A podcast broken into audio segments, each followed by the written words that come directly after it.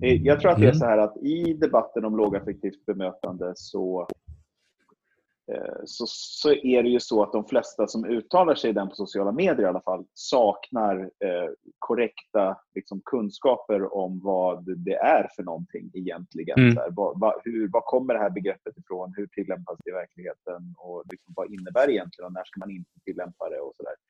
Utan jag tror att det är och, och, det där är helt naturligt. Så, så gör ju de flesta av oss att vi liksom engagerar oss lättsamt på sociala medier i frågor som så här, vi har ingen aning om vad, vad det här egentligen handlar om. Och det, är, och det är en del av det roliga. Men det jag tycker är intressant är när det då blir missförstånd. Att det blir missförstånd när man inte är insatt, det är inte så konstigt. Men det som är intressant är när missförstånden, när alla får samma missförstånd. För det tror jag säger någonting om hur vi är som människor och vad vi liksom graviterar mm. till. Eh, varför, och, och, och, där ser jag, just i, i debatten om lågaffektivt bemötande så finns det någonting om ledarskap där ah. det blir väldigt talande. Sådär. Vad är det här för typ av ledare egentligen? Vad, vad är det för ledarpotential i en, i en människa? Det tror jag man kan säga ganska mycket om baserat på hur den människan eh, tänker kring debatten om lågaffektivt bemötande. Okay, det var faktiskt väldigt... Ja, vad, vad, eh, jag har två frågor som dyker upp direkt. Det ena är, vad, vad vet du själv om lågaffektivt bemötande? Nej, men liksom så här, vad har du, eh, var har du plockat upp, om man säger så, liksom de grejerna du kan om det?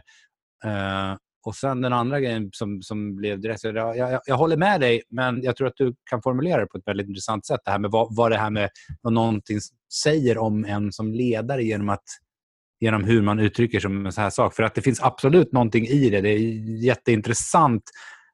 Och ordet som dyker upp för mig är projektion. Liksom hur man projicerar någon form av själv, alltså, eh, sin egen maktlöshet på ett, ett, ett, ett, ett väldigt ofta ständigt skulle jag säga, återkommande att inte någon gör någonting. De måste ju ta i med hårdhandskarna. Det, det är liksom det är på något vis den den grejen. Och Det är egentligen på ett abstrakt plan samma grej med, med den grejen liksom, eh, som den här Skogstad pratar om, liksom, om att man måste ta i med hårdhandskarna. Det är samma prat som att vi måste ta i med hårdhandskarna mot ja, men allting egentligen i samhället som inte mm. är precis så som vi vill ha det. Men, men har du, hur har det här själv... Liksom, vad, du, jag vet ju att du, eh, du verkar insatt, om man säger så. Då. Ja, alltså jag är ju ingen expert på det här, men det finns ju ändå ganska mycket eh, skrivet om det här på nätet. Och Sen så eh, får man ju... Jag kan inte säga att jag har gjort en... Eh, alltså om jag skrev en avhandling om det här nu, eller en uppsats om det här och tvingades skriva en litteraturlista med mina källor, så skulle väl den säkert gå att kritisera. Det blir ju så när man gör den här typen av research, för mig i alla fall, att man, man hittar liksom... Ja, ja, okej, det är typ det här. Eh, men man läser ju liksom inte vitt och brett all möjlig kritik som har liksom handlat om det. Men eh, det är ju den här, eh, eh han är väl dansk va? Jag säger alltid hans mm. efternamn fel. He, jag tror att han heter Helgskov, men han heter Heilskov. He, heil, eh, heil. Heilskov. Um, mm. han, och så som jag tror att man ska förstå vad det här är från, från eller vad det är tänkt att vara, så är det ju en metod som är väldigt specifik som handlar om att eh, hantera problem, problematiska beteenden i en skolmiljö som har, i situation med, med, väldigt speciella personer. Det är inte för vem som helst, utan det är ett specifikt beteende i, som, som utförs, eller man säger, utför man ett beteende? Vad heter det? Alltså de som beter ja. sig på det här sättet mm. är eh, har kanske diagnoser eller problem med affektkontroll. Um, och då och då handlar lågaffektivt bemötande, det är liksom en, en del i en verktygslåda. Eh, fler, det finns ju flera verktyg i den här verktygslådan. Det är något som kommer bort lite grann ofta i den här debatten känner jag som. Men, mm. eh, det, det, så det är ett väldigt specifikt verktyg som handlar om att hantera eh, när de här personerna som har dålig affektkontroll, när de går upp i affekt och börjar slänga stolar och sådana saker, hur man då ska hantera det på bästa sätt. Eh, dels för att få, en snabb, få ner affekten snabbt och liksom avbrytare, det, det, höga alltså det, det, negativa beteendet och också hur man ska skydda omgivningen, för det finns andra barn i den här omgivningen. Till mm. exempel, och, och, och, Det känns som att, så här, sen kan man diskutera hur vetenskapligt belagt är det här, men det verkar finnas en hel del studier som visar på att så här, det bästa sättet att få någon att sluta slänga stolar på, det är att låta dem slänga klart stolar och typ flytta på de barnen som finns i omgivningen så att inte de får stolar på sig. Eh, och börjar man ta tag i den här personen och, och liksom hålla fast dem och sånt där så kan det gå riktigt illa och det finns studier som visar att man kan eh, ja, de kan ta skada av det. Så att säga. Så det. Det, det, är det jag vet om det och därifrån det kommer. Och Sen så verkar det bli väldigt förvirrat i debatten. Eh, ja. Och appliceras på allt möjligt. Ja, nej, men precis. Nej, men det är väl ungefär... Och jag tänker att eh, det här är ju... Det, det, är den bilden jag också har fått utifrån de eh, artiklar jag läst om det och så och att det är framförallt riktat på det viset. Men det, jag upplever en, en del av det är att det kanske har Alltså dels så, jag tror att det är liksom så, här, som så ofta så handlar det om missförstånd på alla håll. För Det kan säkert vara så att... Ja, men det är lite grann det här gamla vanliga att om, eh, om det man har en hammare så blir allting man står på blir en spik.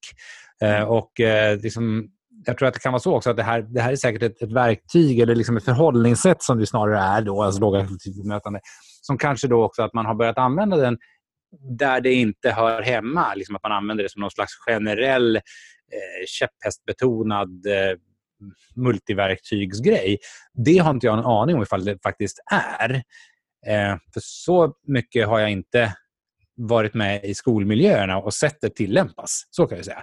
Men jag får ju ändå intryck av att det, det är en väldigt, i, i, sitt sammanhang, väldigt etablerad metod. Den, den, är rätt så självklar. Och för mig så är det också, som jag som ändå håller på så mycket med, med ledarskapssituationer. Och jag menar, det, är ju, det är klart att det finns jättemånga människor som har problem med med affektkontrollen i vuxen ålder ute på fabriksgolv också.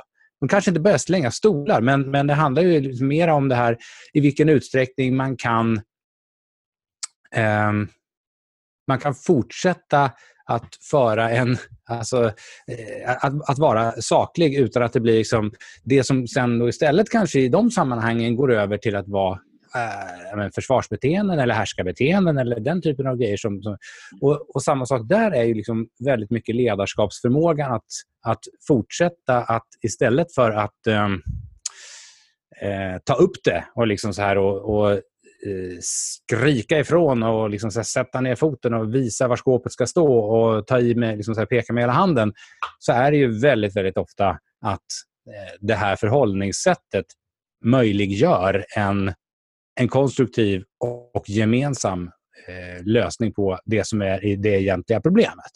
Så att det, liksom, det, det ringer ju, det, det, går ju liksom, det är, vad heter det, man, assonans med det för mig också.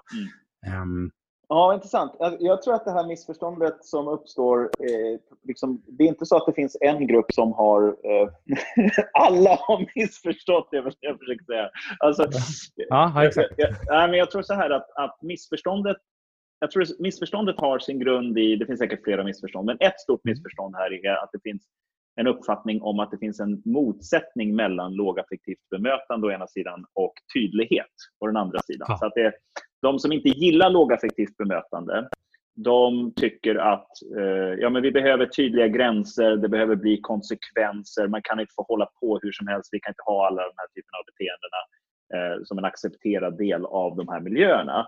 Och, mm. och, och, därför så är lågaffektivt bemötande ingen bra idé för att lågaffektivt bemötande sätter inte gränser. Och så där. Det där tror jag är ett stort missförstånd. Det finns ingen sån, finns ingen sån eh, underliggande konflikt mellan tydlighet och lågaffektivt bemötande tror jag. Men, och, och det här missförståndet gör också folk jag tror att när lågaffektivt bemötande tillämpas dåligt så är det samma typ av missförstånd. Alltså folk som gillar lågaffektivt bemötande mm tror inte att de kan vara tydliga och utdela konsekvenser som en del av den här metoden. Och Det är också ett lika dumt missförstånd, tror jag.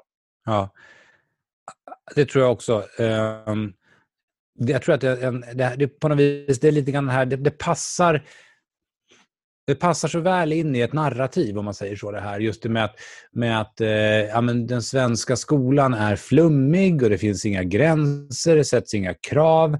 Och och då är det klart att ja, ska de, är det så här de hanterar bråkstakarna, ja, det är klart att då blir liksom alla lidande. Mm. för det, finns, det är klart att de inte fattar var gränserna går. Det är den typen av, av prat som, eh, som dyker upp, tror jag. Eh, så då passar det in i en, liksom, i en, i en redan etablerad, eh, Eh, i ett redan etablerat snack. Så att jag tror att väldigt mycket av, av missförståndet eldas på av, av att det blir så lätt att eh, liksom, få in det i den i den mallen, den befintliga mallen. Och det är väl, alltså den typiska grejen är väl just det att man faktiskt inte sätter sig in i vad syftet är och framför allt inte sätter sig in i vad skillnaden blir. För där tror jag, även om du som du säger, man kan säkert ifrågasätta forsknings, forskningsläget och, och hur, eh, vilka evidens det finns och så. Därför att det gäller ju för det mesta, alltså det är ju väldigt många sådana här socialpsykologiska och liksom samhällspraktiker, eh, eh om man säger så, då, på, på den här nivån. Att ja, det är, det är ofta ja, typexempel, men de har bedrivit kvalitativ forskning och det är inte jättemånga exempel utan man liksom har, eh, det är ju, det är ju en, en poäng, eller vad säger, liksom en del av det här med kvalitativt, att det inte, man gör inte tusen olika blindade, dubbelblinda tester som man gör i naturvetenskapen mm. kanske. Då. Um, men man har ju förmodligen i väldigt, väldigt många fall mycket, mycket mer att gå på än någon som killgissar. Ja, visst. Absolut. Um, ja, jag tänkte på den här Skogstad som, som hänvisade ja. till uh, Ett och ett halvt år som... Ja. ja, men alltså, det, jag, jag, jag, kan inte jätte... Han verkar ju ganska ung och sådär. Men man, han kanske kan vara jätte, ha helt rätt ändå. Men det, det, jag, det jag reagerade på var att han, hänvisade, han pratade om beprövad erfarenhet. Eh, som sin, och så hänvisade han till eh, sin egen eh, erfarenhet. Ja. och det, och det, jag tror att det är mycket sånt här som folk håller på med. Alltså beprövad erfarenhet ska ju skolan gå efter. Och där. Och, eh, och det, men det betyder ju inte det som jag själv har upplevt har fungerat. Utan det är ju sånt som funktionen eh, genom liksom, iterationer har upptäckt fungerar och ger resultat.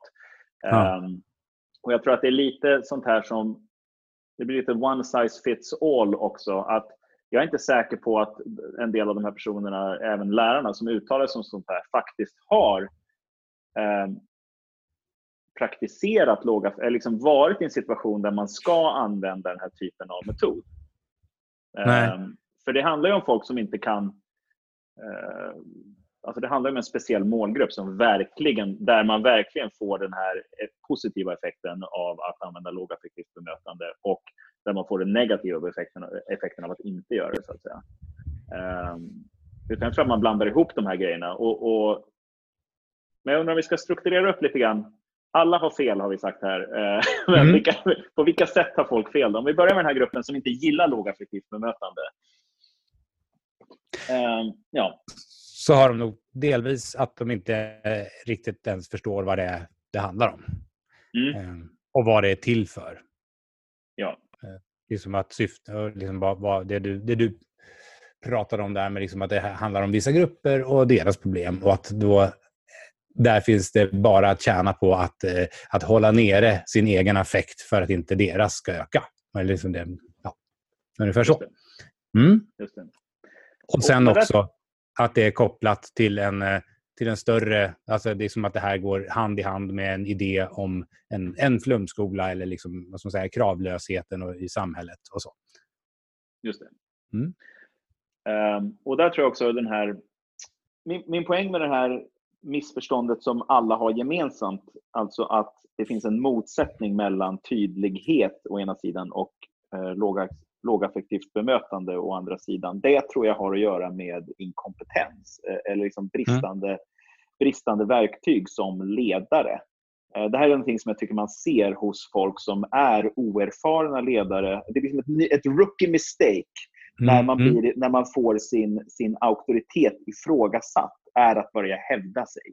Och Det är liksom helt fel grej att göra. Det, det får motsatt effekt. Um, och därför måste man då mm. eskalera och eskalera och eskalera och eskalera. Därför att eh, det enda sättet att vinna respekt genom att hävda sig och hävda sin auktoritet är att utöva sin auktoritet på ett väldigt hårt sätt. Så att du måste liksom visa till slut det här. Um, och, det, och, mm, Folk reagerar liksom inte väl på det.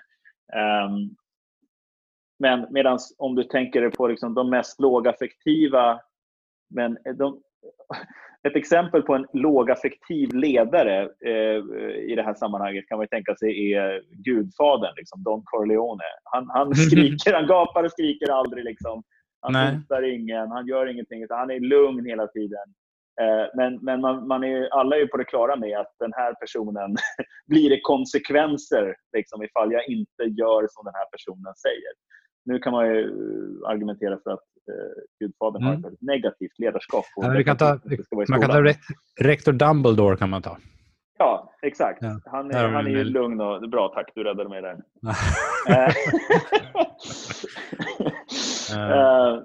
nej, men min poäng är att du kan, ha, mm. du kan vara väldigt, väldigt tydlig, respekterad, till och med fruktad faktiskt, trots att du inte står och gapar och skriker. Så den här mm. idén om att hög affekt på något sätt är ett, ett effektivt sätt att utöva kontroll över andra människor tror jag helt enkelt är en väldigt skakig teori. Och Jag tror att man bara har den ifall man inte är särskilt erfaren av att försöka kontrollera ett socialt sammanhang i en viss riktning. Att få en, en grupp människor att gå in åt ett visst håll till exempel, eller respektera mm. liksom, ett sätt att jobba på. Um, vad tror du om det? Just det. Ja, Ja, men det kan det vara. Eh, och det slog mig nu när du säger de här sakerna, just det där med... ja, men, för det där känns ju som du säger, det är ett rookie mistake. Det är ju liksom någonting som är... Eh, de flesta som har någon erfarenhet av ledarskap eh, vet ju att det här med till exempel att gå in i försvarsställning, höja rösten, eh, liksom bli sådär... Ja, men, det, det är ju sånt som när man, när man ser det utifrån så är det ju någonting som ter sig som pinsamt till och med. Mm. Eh, I många fall. Liksom när, när, man tvingas gå den vägen. Och eh, då, då, då känner jag så här, är det verkligen det som man ifrågasätter? Eller liksom så här, är det den vägen som är den alternativa vägen? Jag, jag börjar fundera på ifall, ifall det kan vara så här att en, ett av de stora ifrågasättarna kanske mera är just det här att, att om att, att det handlar mer om det här med just eh, konsekvenskulturen. Att det, att det är där någonstans skon klämmer för de som så att säga verkligen är, ifrågasätter det här. Jag tänker mer utifrån så här, att om nu någon, ta exempel, börjar slänga stolar i mm. klassrummet.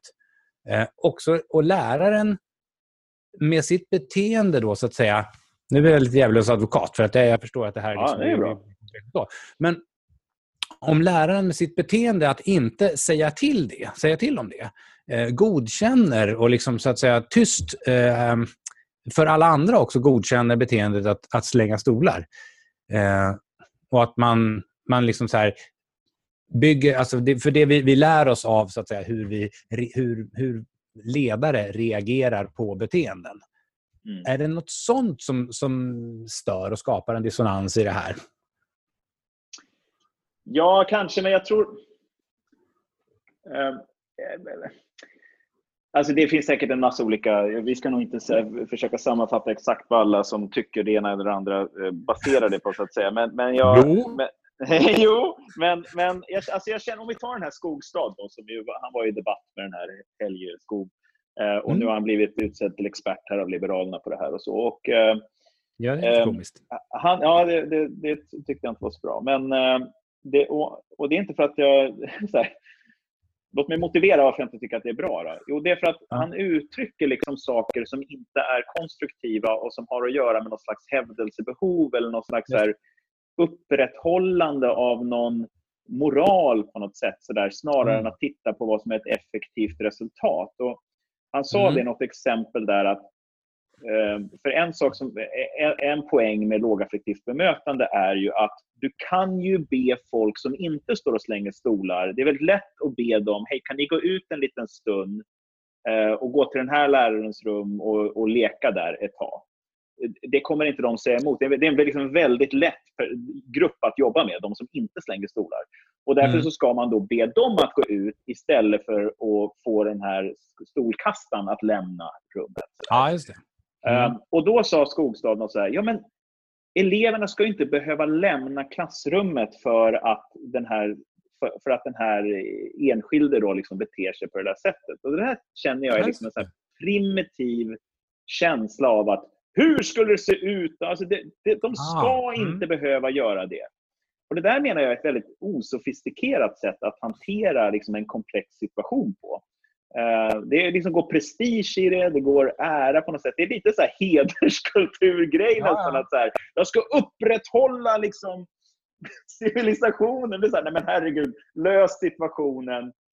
Eh, och, jag, och jag tror att vi, vi, överdriver, eller de som kritiserar, eller de som tycker att det är viktigt, överdriver faran i att göra undantag. Alltså jag tror de flesta elever som är i en situation där deras kamrat står och kastar stolar förstår liksom att det är fel att kasta stolar. Det är inte så här, att de helt plötsligt kan lära sig av den här situationen att det är okej okay att kasta stolar.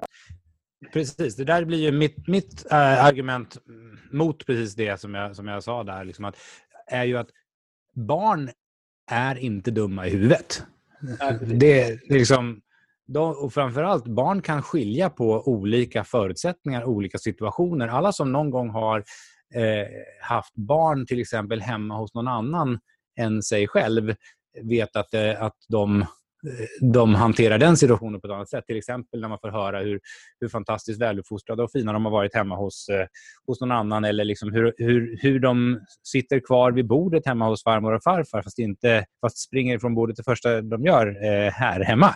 Eh, och Då ser man liksom att naturligtvis, deras beteenden påverkas ju naturligtvis av vad som görs okej. Okay. Och så tillvida, så naturligtvis om, om man upplever att stolkastning görs okej okay, eh, av en sån här situation. Men det är det som jag tror att det gör det inte. Därför att jag, jag tänker på hur mina egna barn hanterar det faktum att de har barn, andra barn i sin klass som de vet är, har olika eh, bokstavsdiagnoser till exempel.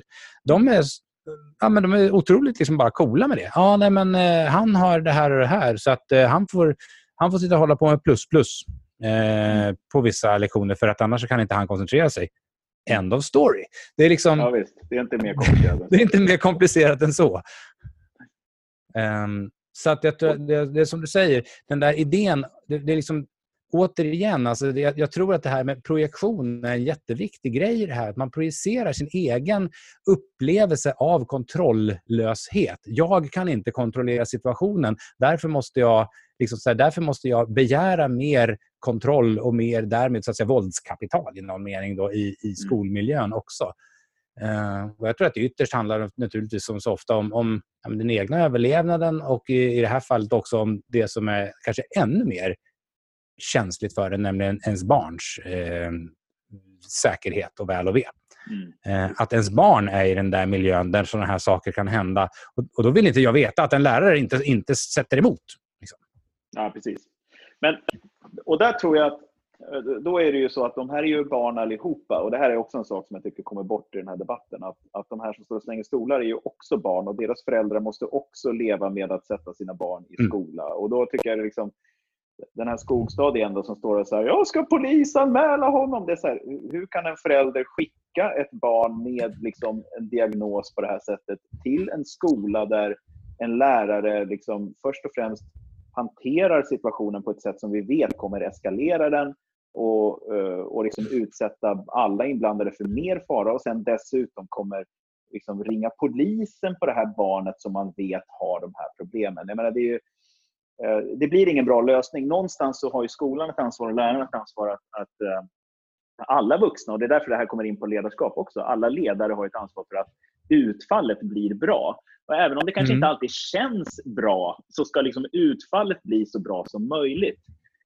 Um, och, och, ibland kan jag känna att det här är lite grann som liksom man ser video på typ amerikanska poliser och engelska poliser och så har man de här obeväpnade engelska poliserna som står och liksom pratar lugnt och fint med, med liksom på smarta, sofistikerade sätt med, med folk som, som har det jobbigt just nu och som står där med någon kniv eller något sånt där.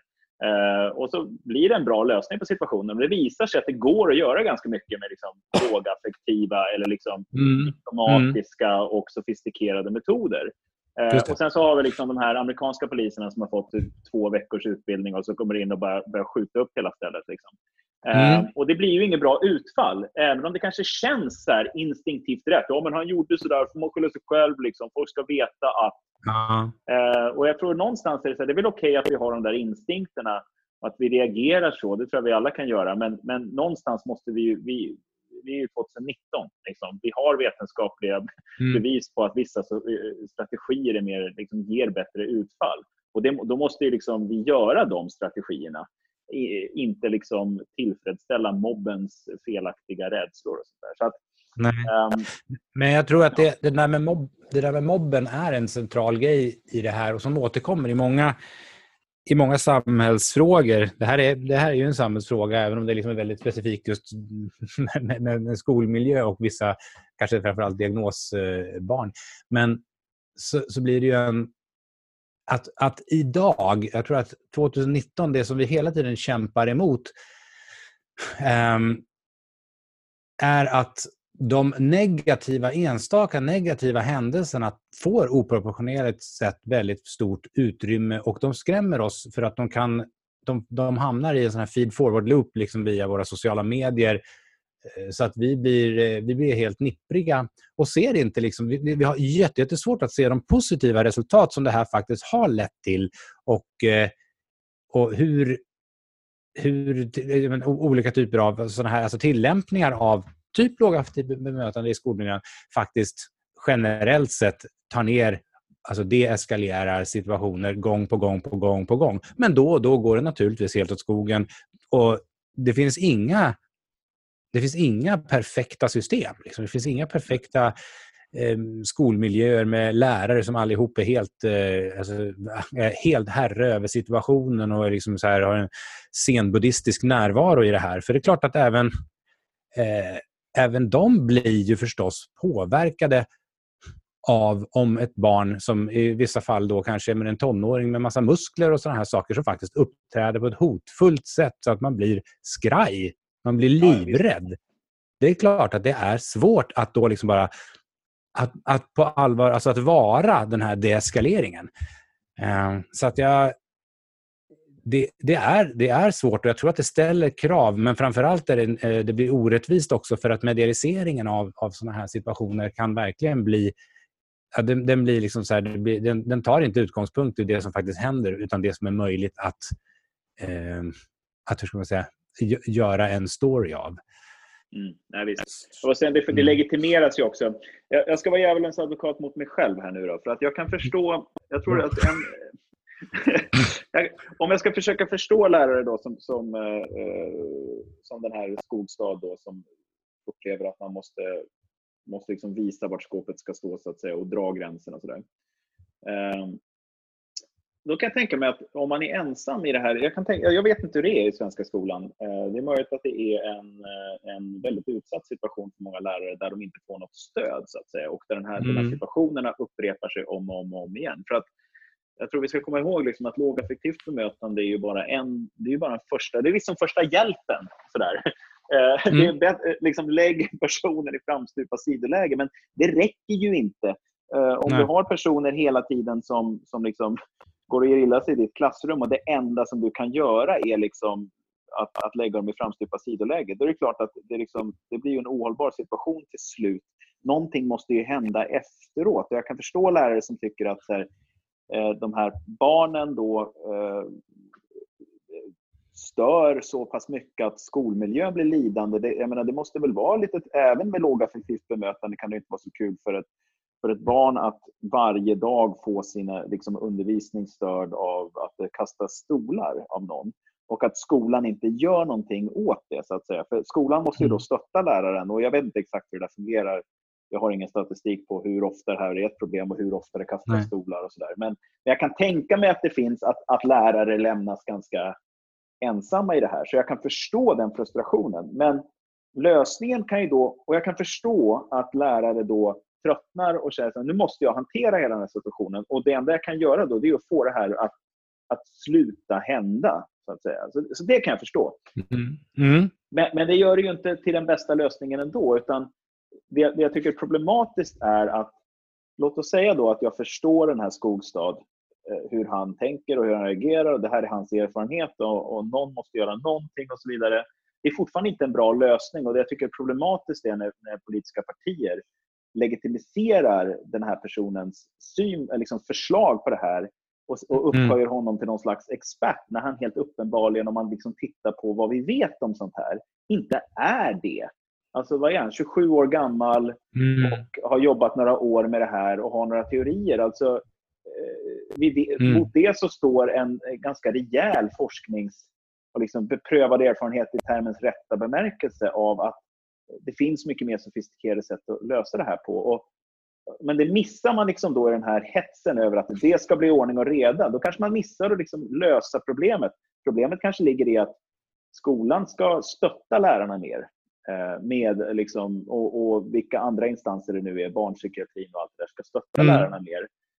Um, och då är det vi måste göra. Men, men ifall vi går vilse i det här då liksom lärarna ska bli någon slags poliser som ska lära sig självförsvar mot stolkastande elever. Det, blir liksom inte, det är ju inte en långsiktig lösning. Nej. Nej, precis. Och jag tror att när jag pratar med rektorer, vilket jag ju faktiskt gör en, en hel del, eh, så blir jag ju faktiskt ganska... För att du beter dig dåligt i skolan och blir skickad till... Ja, precis. Eller mina, mina barn och jag jag ja, ganska många. Jag, vänner till mig förresten. Ser till att jag hamnar där. Nej, men, men, nej, men det, det, skolledare av olika slag och lärare för den delen också. Alltså upplevelsen jag har eh, är att Ja, det är klart att det finns, det finns jätte, jättemycket Alltså det, det är så komplex värld, det är så många möjliga... Alltså så här, eh, det, det, det, dels är det så här, var ska, man, var ska man börja? Den svenska skolan Eh, har för det första liksom i, under väldigt lång tid så har det, liksom, det har varit ryckigt, vågar jag påstå. Liksom så här, med vilka riktningar man förväntas gå. Det har varit massa olika läroplaner hit och dit och det har varit liksom så här, eh, ja, men de två jättereformer med kommunaliseringen och med privatiseringen, eller vad ska jag säga, friskolereformen då så att säga.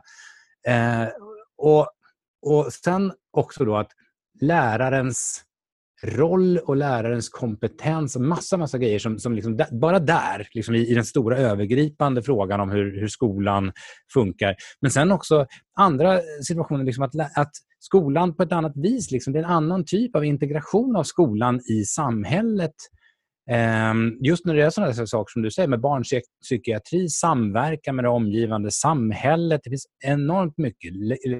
Vårdnadshavarnas eh, roll gentemot skolan i större utsträckning oavsett ifall det är liksom i, i, eh, i friskoleregi eller i kommunal skola så har man mer av ett så här kundförhållande som också påverkar lärarens... Och jag tror att någonstans här så dyker det upp en stor frustration av, just, av hjälplöshet och maktlöshet hos väldigt många lärare som, som gärna vill lyssna på det här då, så säga, expertpratet, om vi kallar det så, från en sån som Skogstad, som är liksom reclaim det liksom, the authority.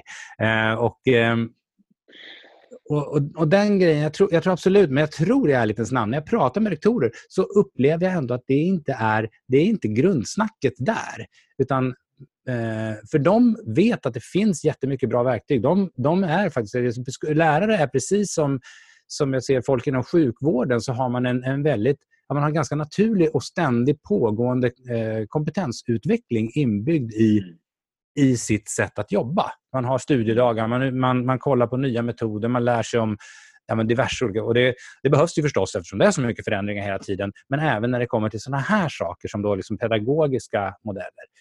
Eh, sen finns det, vet jag också samtidigt, en, en, en, en lägre vad man ska kalla det, kvalitetsmognad i skolvärlden därför att man har inte hunnit dit eftersom det har varit så fruktansvärt mycket ryckighet fram och tillbaka. Så att, men där tycker jag att det börjar kännas som att det finns en annan, en annan attityd. Men jag skulle inte säga att det, att det är de...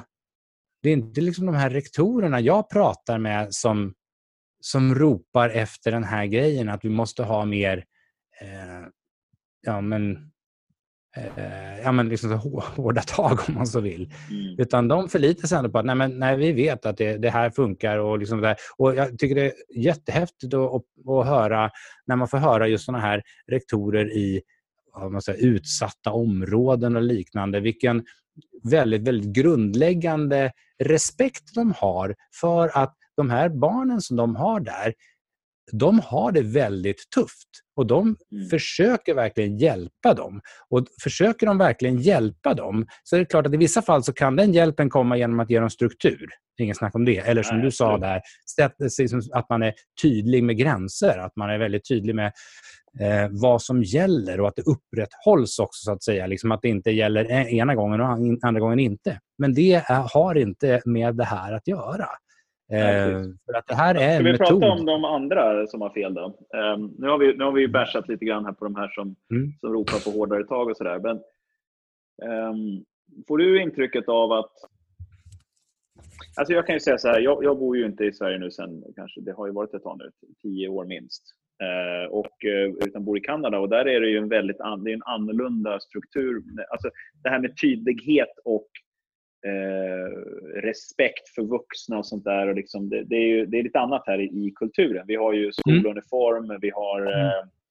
eh, man, man niar och man säger liksom eh, Monsieur och Madame om sina lärare mm. och sådär. Och det är eh, och, och, det känns helt naturligt och inte alls fascistiskt faktiskt, måste jag Nej. säga. Utan bara, alltså man kan knappast anklaga eh, kanadensare för att vara någon slags eh, högerfascister. Utan det här är liksom bara ett, ett, ett, ja, det är en ordning och reda på ett annat sätt, så att säga.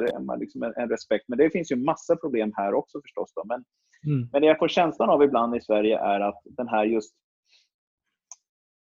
att tydlig, att sätta gränser och utdela konsekvenser mot människor som man uppfattar inte är fullt ansvariga för sina handlingar är, är liksom tabu nästan. Det är, det är mm. liksom som hela ja, fängelse, man kan ta det till fängelsedebatten. Det är så här, du, får, du ska inte låsa in någon därför att de anledningen till att de har gjort det här som vi borde låsa in dem för, då, det, det, det är inte deras fel. Utan, utan det, mm. De hade en svårare situation. Och det är, ju, det är ju sant, ofta visar ju forskningen tydligt att det är så.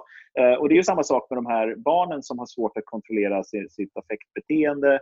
De, de, har ju inte valt att bli så där så att säga och de har liksom inte aktivt arbetat för att inte kunna eh, göra sitt. Liksom. Men samtidigt så är det ju så att de kan ju bli ett problem i eh, i en situation, i sociala situationer som skolan, som man ska vara i liksom dag in och dag ut, så är de ju inte de enda individerna. Eh, och Det kan ju bli så att de då tar upp väldigt, väldigt mycket, att de stör väldigt mycket till exempel. och så där. Eh, mm. Och att man då givetvis måste kunna prata om att så här, kan den här personen vara i en normal klass? Eh, eller liksom, kan, går, går det här? Kan vi, kan vi liksom hålla på på det här sättet, funkar det för de andra barnens behov också? så att säga? Och Här känner jag ibland att det är lite fel i Sverige att, att liksom, ja, specialklasser till exempel, är lite fel. Alla ska vara i samma klass. Jag vet inte det här mm. är fördomar jag har för att jag inte varit hemma på så länge. Men. Du, som, du som bor hemma, vad... vad... Ja, men det... Jo, men det där tror jag, det, det, finns nog någonting i det. Exakt vad eh, är väl lite oklart. För jag tror nämligen att det stora problemet i Sverige är, är nog att det är ganska mycket som är oklart. Och oklarheter, mm. otydligheter, mm. det skapar ju osäkerhet hos de som ska utöva liksom sin, alltså att, att mm. agera inom ett, inom ett system.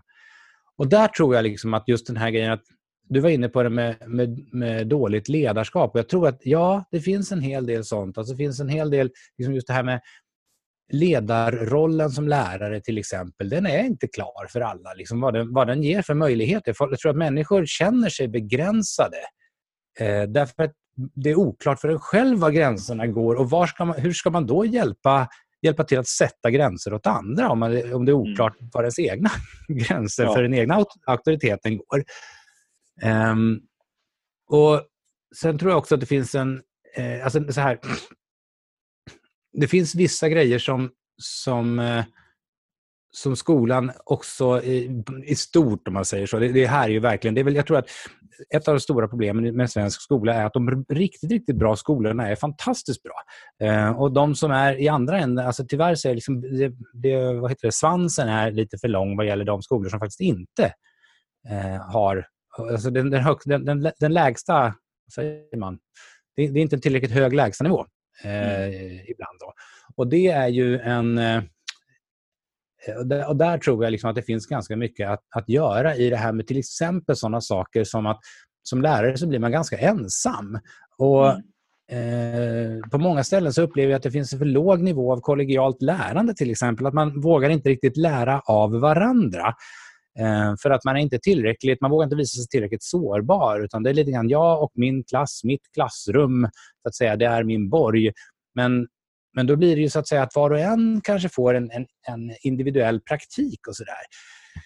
Eh, lite så här, det var som, som en, annan, en annan professor jag hörde som beskrev det lite grann som att ja, men vi, där är vi fortfarande i någon mening som på ett hantverks... Eh, alltså i ett hantverkssamhälle där var och en är liksom en hantverkare i sin, i sin verkstad med sina barn, liksom sin klass. Eh, och där, jag tror att det, där finns det väldigt mycket att, att göra. För att om vi inte, dels inte, så att, om det inte är klart och tydligt så att, så, att så här, här går gränserna och det här, är liksom, det här är den gemensamma riktningen och inte ens har ett riktigt bra sätt att på allvar ta oss an det gemensamma lärandet och hitta den då så att säga som, som arbetslag eller som skola eller som vad det nu kan heta, rektorsområde. Um, så då är, det, ja, då är det jättesvårt att agera inom det där och då blir man begränsad i det. Mm. Och då är det klart att man kan bli liksom just så här, alltså då, och är man inte en god ledare i den situationen, då kommer inte barnen, eleverna, att uppleva att det finns tydliga gränser de kommer, alltså så som vi gör, experimentera sig fram för att hitta, hitta de där gränserna. Mm. Eh, och eh, det, Man kanske skapar kulturer som inte alls är tänkta att eh, eh, alltså som inte alls leder mot det som är egentligen det, det lärande man, man, vill ha. Och Där kanske man har en del gratis, som du säger, det här med eh, att man redan från början har en annan typ av vad ska säga, etablering av um, Eh, etablering av, av hierarki som det blir i, i, de, i de flesta andra länder, skulle jag vilja säga. Mm. Eh, mm. Men det, det, är det som är grejen. För mig är det här någonting att vi har den här säga, egalitära skolan som vi har i Sverige och har haft egentligen, så att säga, basen är från 60-talet. Det skulle inte behöva vara ett hinder. Man skulle behöva jobba med det på andra sätt. Nej, alltså det är ju ganska uppenbart att det inte är ett hinder för det svenska samhället i stort, utan tvärtom så får man väl konstatera Nej. att det svenska samhället är, är väldigt framgångsrikt eh, eh, utan att ha de här formella hierarkierna inbyggda i sig. Och, och, det är ganska frestande att tänka sig att vi är det delvis på grund av att vi har tagit bort de här sakerna. Så jag tror inte man ska liksom mm. Göra något generellt där. Men jag ibland tänker lite grann på det här som att Alltså etikett etikett om man säger så, eller de här hierarkiska strukturerna, eh, mm. är ju där för de som inte har fått lära sig det här ändå. Alltså vissa barn kommer ju från hem där eh, liksom man får, utan att de här sakerna har formaliserats, så lär man sig liksom att respektera sina lärare och inte hålla på att springa runt i klassrummet och inte hålla på att slå på sina kamrater och inte hålla på och skrika och stoja och liksom ta plats. Där. För att man bara lär sig det som en del av ett fungerande hem. Eh, men en del av de här personerna som, liksom, som inte har diagnoser utan som bara kommer från väldigt stökiga miljöer och kanske eh, trasiga hemmiljöer och sådär. Jag tror vi alla har haft mm. Någon sån kamrat i skolan. Liksom. Ehm, de har ju inte den här strukturen kanske alltid hemifrån tror jag, och, och eller liksom från sitt sammanhang. Ehm, mm. Och då tror jag att det blir väldigt svårt att liksom navigera en sån här miljö eh, som barn där det inte finns tydliga strukturer och där liksom allting verkar vara lite okej. Okay, mm. eh, och där tror jag att Sverige, liksom, så här, det är lite så här, Sverige för de som det är tänkt liksom att, för fungerande människor. Så Sverige är väldigt, väldigt bra för mm. fungerande människor. Eh, Ja. Oklart, oklart om det... Nej, men du vet, det är som svenska ja. arbetsmarknaden också, tänker jag på ibland. Sådär. Ifall, du, ifall du vet hur du ska bete dig vid fikabordet och du inte sticker ut för mycket och du inte är jobbig och liksom inte är en, en kuf, sådär, då är det ju jättebra. Men jag menar, ifall du, är lite, ifall du sticker ut och är lite konstig, och liksom sådär, då, då kan det bli jättesvårt i, liksom att komma in i, i ett välfungerande svenskt sammanhang. Tror jag. Mm. Um, så där mm. tror jag bristen på liksom regler, det som är bra med de här reglerna här i, i Kanada är ju att de gäller ju alla och alla barn har det. De vet precis hur de ska tilltala en vuxen, hur de ska navigera de här miljöerna. Eh, för det, har de, det är liksom samma hela tiden. Det är så här man beter sig. Um, och, det, och, och, det är ju ett stöd, mm. uh, skulle jag säga också. Och det kanske vi saknar ja, det, lite grann. Mm. Ja, men så är det nog. Och jag tror att det är så här, jag tror framförallt att det är en omedvetenhet om att, eh, att det där är någonting som vi, som, vi, som vi söker, vågar jag påstå. Att vi söker det som människor. Vi söker alltid sammanhang. Vi söker alltid mm. på något vis vad som gäller i ett sammanhang och eh, eh, vi, vi, kan vi har olika strategier för det, liksom, men, men, men, men någonstans försöker vi alltid begripliggöra vårt sammanhang. Och jag tror att, eh, som du säger, det blir, det blir, när det finns liksom en hjälp att så här jobbar vi, det här är väldigt tydligt, så här gör vi allihopa. Då, då blir det ju så att säga då någonting som, som är lättare att hänga upp saker och ting på. Sen kan man naturligtvis ifrågasätta ifall det alltid är, är, är bättre därför att naturligtvis så kan det också leda till att om man känner sig jag, jag kan inte agera inom de, här, inom de här reglerna, då får jag inte vara med alls någonstans. Um, men, men, men å andra sidan så kan jag ju tycka att um, jag tror att det som man man har liksom in, man har, i, i, I vissa fall i Sverige så har vi haft en tendens att istället för att liksom säga att ja, de här gamla reglerna de, de funkar inte längre, vi måste ha nya. Eh, men det är det då har det blivit så att de gamla reglerna funkar inte och sen har vi inte hittat några riktigt nya och liksom framförallt inte hittat ett sätt att, att tillsammans hitta en ny riktning, nya såna här sätt att agera på, på, ett, eh, på ett öppet och vad ska man säga, transparent sätt. Utan ibland så etableras det, jag tror att det här är en del i en större kulturförändring som vi har haft i Sverige. Att jag menar, vissa saker som, som man, menar, om man ska verkligen zooma ut det när vi pratar om åsiktskorridorer och sådana här saker i, i, i samhället, att um, det kan vara svårt ibland att verkligen förstå varför vissa saker bara är så som, så som de är. Därför att vi har inte, vi har inte liksom pratat öppet om dem, utan de har liksom, var och en har tagit reda på dem utan att riktigt förstå hur man har tagit reda på det. Men det är bara så här, vissa saker säger man inte och andra saker får man säga. Eh, och det, så är det ju alla kulturer, i alla sociala sammanhang, att det finns eh, så att säga, gränser för vad, vad man säga, får säga och inte och vad som är socialt accepterat. Mm. Så att det är väl mer det att det, jag tror att man, är, man värjer sig lite lite mycket ibland från att faktiskt öppet och ärligt prata om vad som är socialt accepterat. Jag, jag, och, och, där tycker jag, jag tänkte på en, en skola som ett av mina barn gick på förut, där man var otroligt bra. På att verkligen på ett oerhört praktiskt sätt varje dag så hade man liksom som en slags, alltså det, det var deras, hela deras liksom sätt att hantera eh, SO, alltså samhällsämnet, var egentligen en fråga om så här normbildning eh, väldigt konkret i praktiken varje dag genom att prata om vad som var stolpe in och stolpe ut och vad som var liksom så här... Ehm, eh, alltså man, man, jobbade med uppåtpuffar och sådana här saker som, som verkligen förstärkte positiva, liksom önskvärda beteenden i, i vardagen.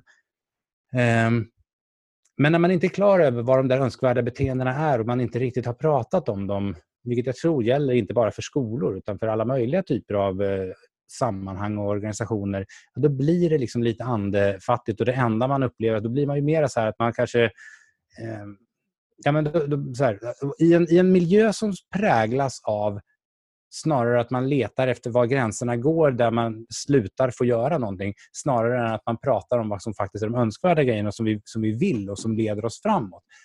Då blir det att konsekvensen av det kan bli ett ledarskap där man vill ta i med, med liksom från tårna och peka med hela handen eh, för att verkligen synliggöra de där gränserna. Men jag skulle säga att det finns också någonstans i det här att eh, jag brukar jämföra med att vi pratar för mycket om, om vad de här vita strecken på planen går och för lite om hur vi ska spela tillsammans för att göra mål. Mm. Mm. Det gäller många organisationer. Jag tror att det är lite samma typ av grej i det här. Just det.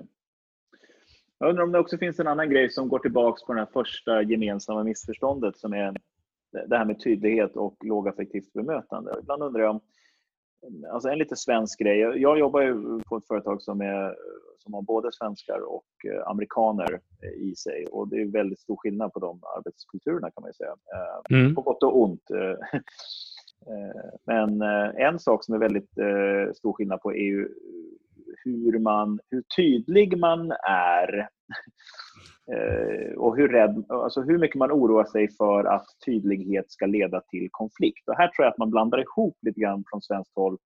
Alltså det finns en mm. konflikträdsla som bygger på mm. att inte eh, kränka eh, andra människors känslor. Ehm, och, alltså man blandar ihop sin egen affekt. Alltså låg, lågaffektivt bemötande det är ju att jag som lärare eller ledare håller mig lugn oavsett hur den andra personen eh, reagerar. Eh, så att säga. Eh, och Det är det som är mitt bidrag till deeskaleringen. Men det betyder mm. inte att jag i en liksom vidare, kanske i en, en diskussion efteråt och sånt där, måste vara orolig för hur den här personen ska reagera på mitt gränssättande. Alltså jag tror att man, eh, men här finns liksom en... Mm. Att inte kunna prata om att det här var oacceptabelt beteende efteråt, så att säga. Mm. Att man inte gör det. Det är lite som man knyter näven i fickan liksom, och pratar med dem Just. som man vet håller med en om det. Men att man säger inte till i efterhand. Sådär. Och där tror jag att jag vet inte exakt vart det är, men där, där tror jag det finns någon sån här, på andra kanten missförstånd kring det här att man... Det går alldeles utmärkt att ha ett lågaffektivt och fint och mjukt och sådär Eh, sätt att vara som ledare och lärare. Men att, man, att det går alldedes utmärkt att kombinera det med eh, ett allvarligt snack efteråt om att så här, det här går inte och kanske inblandning av och konsekvenser, kanske mm. flyttning till en annan klass. Eller liksom, ja. ja. Just det. Och, och just den här distinktionen, alltså det är en jättebra distinktion du kommer med där tycker jag. Eh, och också i, i, det så känner jag att det finns, det finns det som det i större bemärkelse handlar om är att så här, du är okej okay som människa, mm. men ditt beteende där är inte okej. Okay. Ja, exakt. Och det är två olika saker. Men apropå att sätta gränser så måste jag avrunda nu faktiskt. Ja, vad bra. Eh, men det här, eh, vi får se. Vi får lyssna på det här sen och se hur det gick. Ja. Det var kul i alla fall. Roligt. Ja, det var ett bra samtal. Eh, kanske lite, kanske, vad heter det, blir lite långrandiga och eh, sådär. Men det kanske är det som är, är, är, eh, värdet av det. Att faktiskt, jag tror, om man jämför med många andra sammanhang, så tror jag att en av poängerna med poddar som jag har själv insett, jag har lyssnat en del på, har du lyssnat på den Björn och Navid? Eh, Nej. Alltså Björn, men, Björn Natthiko Lindeblad och Navid Modiri. Just det, just det. Just det. Ja, jättefin podd tycker jag. De, det, är verkligen, det är två män som pratar om riktigt djupa saker och jobbiga känslor och, och skuld och skam och hela meriten. Um, och det jag tänkt på det är, det är att de faktiskt, alltså det är just det här, man får höra dem prata till punkt. Just det, det behöver inte vara helt perfekt och tillrättalagt. Nej, exakt. Det är inte, liksom, det är inte de här soundbites, utan det är ganska... Det, ja. Och det tycker jag, det, det är något jag kan sakna i vårt uh, i det offentliga samtalet i, rent generellt. Så att, kan man bidra med det så är det härligt. Ja, mm. det låter bra. Jag ska låta det gå, men det där kan vi tänka lite på. Jag, eh, som en sista lite poäng där. Jag tror att alltså det finns en... Eh, det finns ju de som har gjort en poäng av att det ska vara ofiltrerat och oklippt. Att så här, här får ni det här samtalet så som det gick och det mm. behöver inte vara så himla tillrättalagt. Utan Nej. Ja, det blev som det blev. Och det är intressant det också.